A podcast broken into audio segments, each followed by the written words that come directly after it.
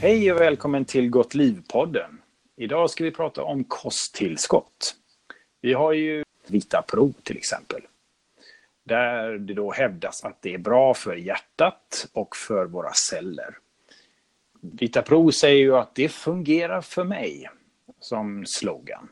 Hur är det Gunnar? Fungerar Vitapro? Eh, nej, det gör det inte. Och det beror på att de här studierna bakom Vitapro och andra kosttillskott, de är byggda på studier som är gjorda på mat och inte på piller. Och då har man alltså tittat och sett att i de här studierna på mat så är det vissa vitaminer och mineraler och antioxidanter som fungerar, men de fungerar inte när det gäller piller. Det är till och med så att eh, det kan bli sämre. Man har sett att de som åt kosttillskott fick mer cancer än de som inte åt kosttillskott. Och man har sett att antioxidanter på burk är i bästa fall värdelösa, men de kan också ha negativ effekt på prestationsförmågan och vår anpassning till träning. Det, jag ser olika grupper av människor som äter kosttillskott. Och eh, då tänker jag på dels de som då kanske äter väldigt dåligt och tänker att de kan kompensera sina dåliga matvanor med eh, någon typ av tablett och sen så tänker jag också att det finns människor som kanske äter väldigt hälsosamt och lever väldigt hälsosamma liv, men som på något sätt vill uppnå någon slags optimal hälsa, någon slags superhälsa. Och båda de här fallen så eh, är ju då egentligen kosttillskott eh, helt onödiga och till och med skadliga. Jag tycker ju att marknadsföring är ett stort problem när det gäller eh, kosttillskott. Det är ofta det som för oss till kosttillskottsvärlden. Och eh, det här har ju redan setts väldigt tidigt. Redan 1957 så hävdade professor Håkan Rydin från eh, då, som det hette då, reklamgranskningsbyrån att hälsokostreklamen inte alltid har hållbara argument.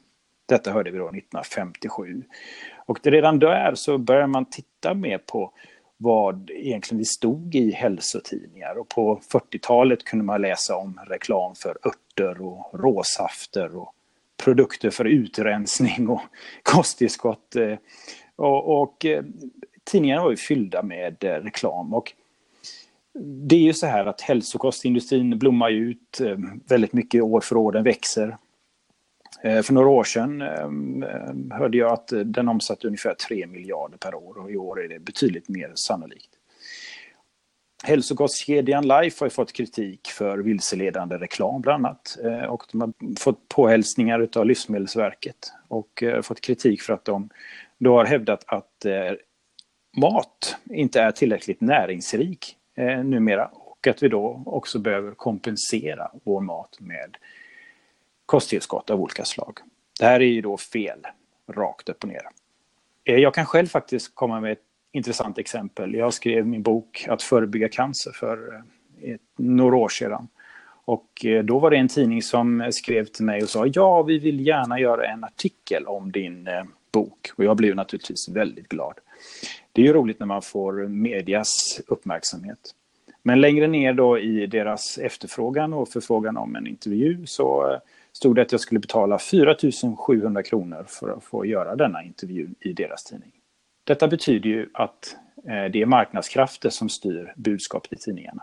Och så är det ju. Annonseringar är ju egentligen brödfödan för tidningar idag. Eller hur Gunnar?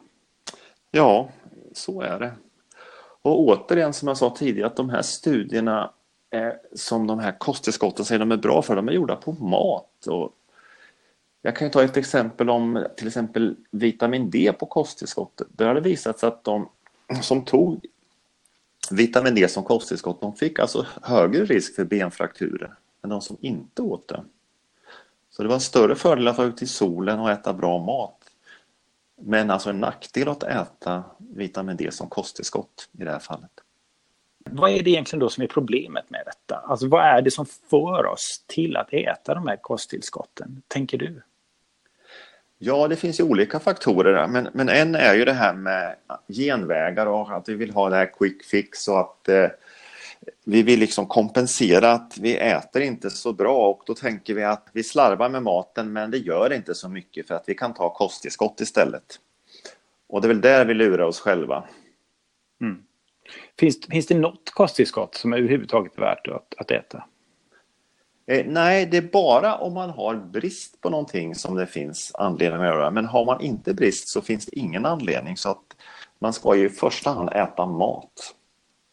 Jag läste någonstans att kosttillskott i det stora hela, det är ju då en framställt för en, eh, som en produkt för att gynna de få eh, och skada eh, många människor.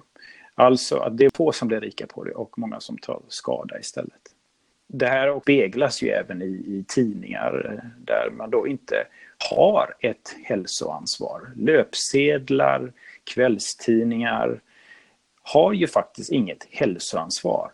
Utan det handlar om marknadskrafter här. Om pengar helt enkelt. Hur ska man göra då, Gunnar? Det är ju det enkla som är det rätta, alltså att, att äta mat helt enkelt. Att de här genvägarna som man vill ta, de finns inte. Alltså i bästa fall så är det ju värdelöst, men alltså i sämsta fall så är det skadligt. Så att det, det är mat som gäller. Och istället för att lägga dyra pengar på saker som till och med kan skada oss så kan vi lägga pengar på bättre mat helt enkelt. Absolut, så mat och eh, gå gärna matlagningskurser och lär er laga god mat. Det vinner man mycket på hälsomässigt. Tack så mycket Gunnar och vi tackar så mycket för idag.